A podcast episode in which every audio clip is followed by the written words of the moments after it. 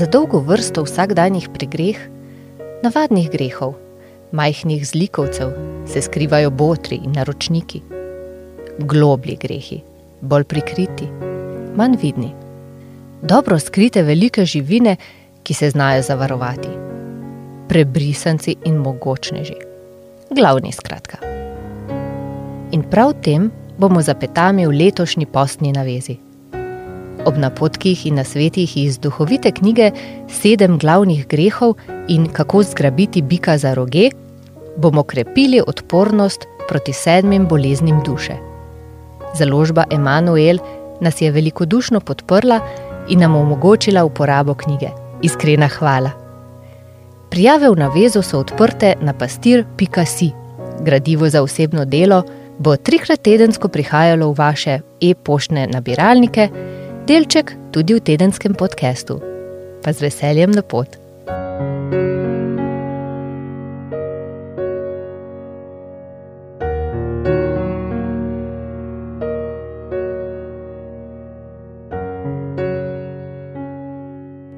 Nečistost, korpus delikti. Gospod, naredi me čistega, a ne takoj. Avtor tega iskrivega citata je sveti Augustin.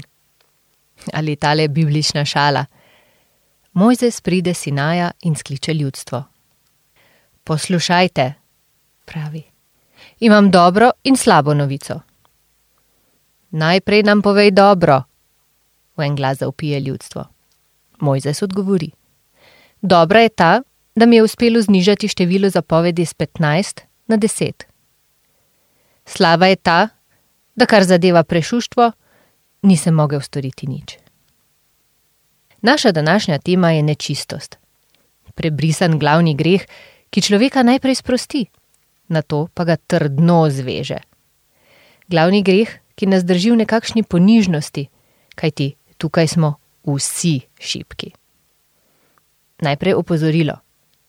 Spolnost ni vprašljiva. Blagoslovil jo je Bog in spolni užitek tudi ne. Kaj je torej nečistost? Oglejmo si ne preveč zabavno definicijo, ki pa dobro povzema problem. Katekizem katoliške cerkve razlaga: Nečistost je neurejena želja po spolni nasladi ali neurejeno uživanje leti. To neurejeno uživanje se začne, ko se spolnost odvrne od svojega namena, podaritve in postane polastitev. Spolni užitek je največji telesni užitek, ker krona največji blagor, podaritev življenja in ljubezen so zakonca. Namen in cilj spolnega odnosa je podaritev. Podaritev ene osebe osebi drugega spola in podaritev življenja. Nečistost je očitna laž, je polaščanje, ki se pretvarja, da je darovanje.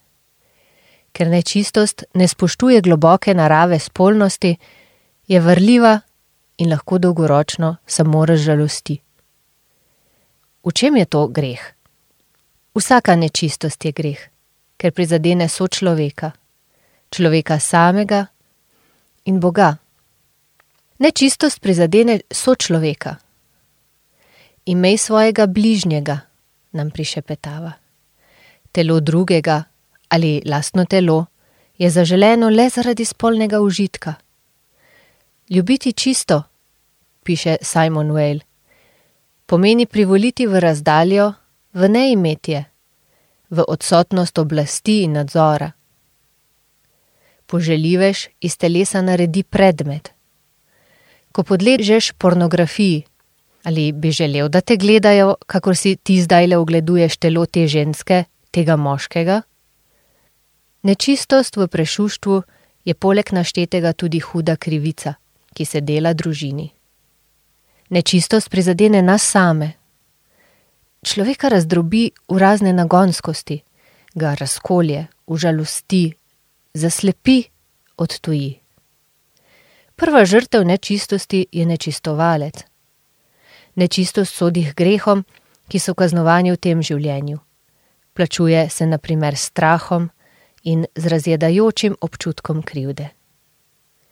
Na zadnje je nečistost žalitev Boga, kajti naše telo je tempelj svetega duha in on želi biti poveličevan v tem templju, ki ga tako ljubi.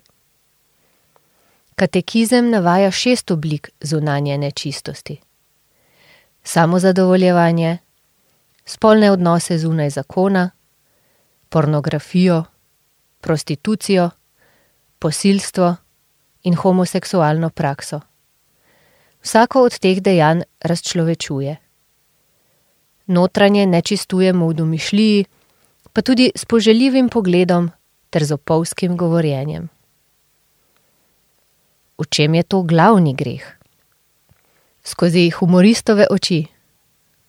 Ženska, poročena z moškim, ki jo vara z ženo njenega ljubimca, katera vara svojega moža? Z njenim. In ki mora zato varati svojega ljubimca z ljubimcem njegove žene, ker je njen ljubimec njen mož in ker je žena njenega soproga, ljubica moškega, ki ga je osramotil ljubimec neke ženske, katere mož vara ljubico z ženo njenega ljubimca, ne ve več, pri čem je. In kaj mora napraviti, da ne bi še bolj zapletla že tako zadosti zapletenega položaja. Da se vrnemo k resnejšim tonom. Poleg tega, da nečistost zapleta življenje in sili v spretno laganje, greši tudi zoper pravičnost, zoper preudarnost, zoper samoobvladanje in še zoper vrsto drugih kreposti. Seboj pripelje žalost, kajti vsaka nečistost nas na koncu užalosti. Zatemni človekovo inteligenco, jemlje svobodo in vodi v odvisnost.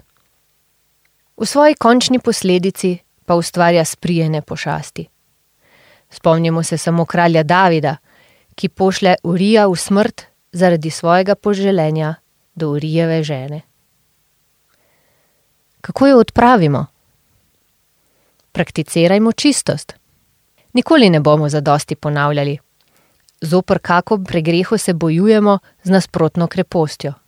Zopr nečistost, torej s čistostjo, ter vztrajno vajo v obladovanju samega sebe. Spremenimo svoj pogled na spolnost.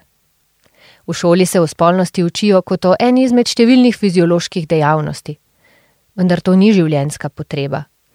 Ne moremo živeti, če ne pijemo, lahko pa živimo, ne da bi doživljali spolno naslado. Bistveno je, da vrnemo spolnosti njeno lepoto, da govorimo o njej brez lažne sramežljivosti in zaničevanja. Pričevanje ljudi, ki živijo svojo spolnost polnovredno, lahko ozdravi domišljijo in obudi upanje. Zaposlimo voljo. Potem, ko smo premislili božji načrt glede spolnosti, se moramo odločiti, da bomo živeli v čistosti. Iz treh razlogov. Prvi razlog: to zahtevata kar dve od desetih božjih zapovedi. Drugi razlog: to je mogoče. Tretji razlog: to je pot k sreči. Majhne odpovedi, naj si so ali niso povezane s polnostjo, pri tem zelo pomagajo. Nekdo je pričeval: Če na dan poslednje sodbe ne bom imel dati drugega, bom lahko podaril Bogu vse objeme, ki jih iz ljubezni do njega nisem hotel spoznati. Nadzorujmo pogled. Kadar nas kaj vzburja, kakšna podoba privlači, kakšna obleka izziva, takrat brez pomisleka in odločno odvrnimo pogled. Nadzorujmo jezik. Kvantaški pogovori so neprimerni. Zadrtost, ki preprečuje vsako govorjenje o tem, pa ni nič primernejša.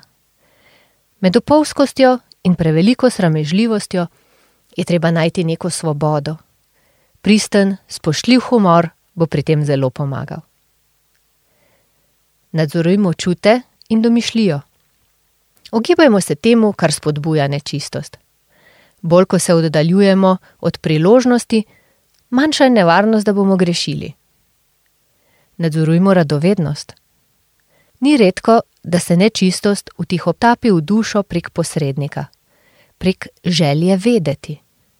Nekdo si, samo da vidi, ogleduje pornografsko spletno stran, a s tem že začne prvo dejanje, ki bo kmalo postalo odvisnost. V zadevah spolnosti je vsaka pokušina usodna. Neprebavljiv obet izbruhamo, sprevržena podoba pa se vtisne v spomin in potem ga zelo težko očistimo. Obudimo upanje. Obup je pogosta skušnjava v tem boju. Kompulzivno samozadovoljevanje, naprimer, vzame voljo. Vendar, kljub padcem, boj ni nikoli izgubljen. Spolnost je veliko bolj obvladljiva, kot mislimo. Tudi če nas nekateri nagibi vedno znova vznemirjajo, lahko na dnu srca vedno ostane želja, da se ne vdamo in zmožnost, da ne privolimo. Po padcu usmiljenje. Sram pogosto vzame pogum, a nikoli ne pozabimo, s kolikšno močjo nas lahko spremeni sveta spoved, zakrament sprave. Prosimo za božji dar. Čistost je naloga, je pa tudi dar, ki presega naše uboge človeške moči. Je božji dar, milost, sad delovanja svetega duha. Kdor želi živeti ta dar, se lahko zaupa devici Mariji. Marija, mati vse čistosti, prosi za nas.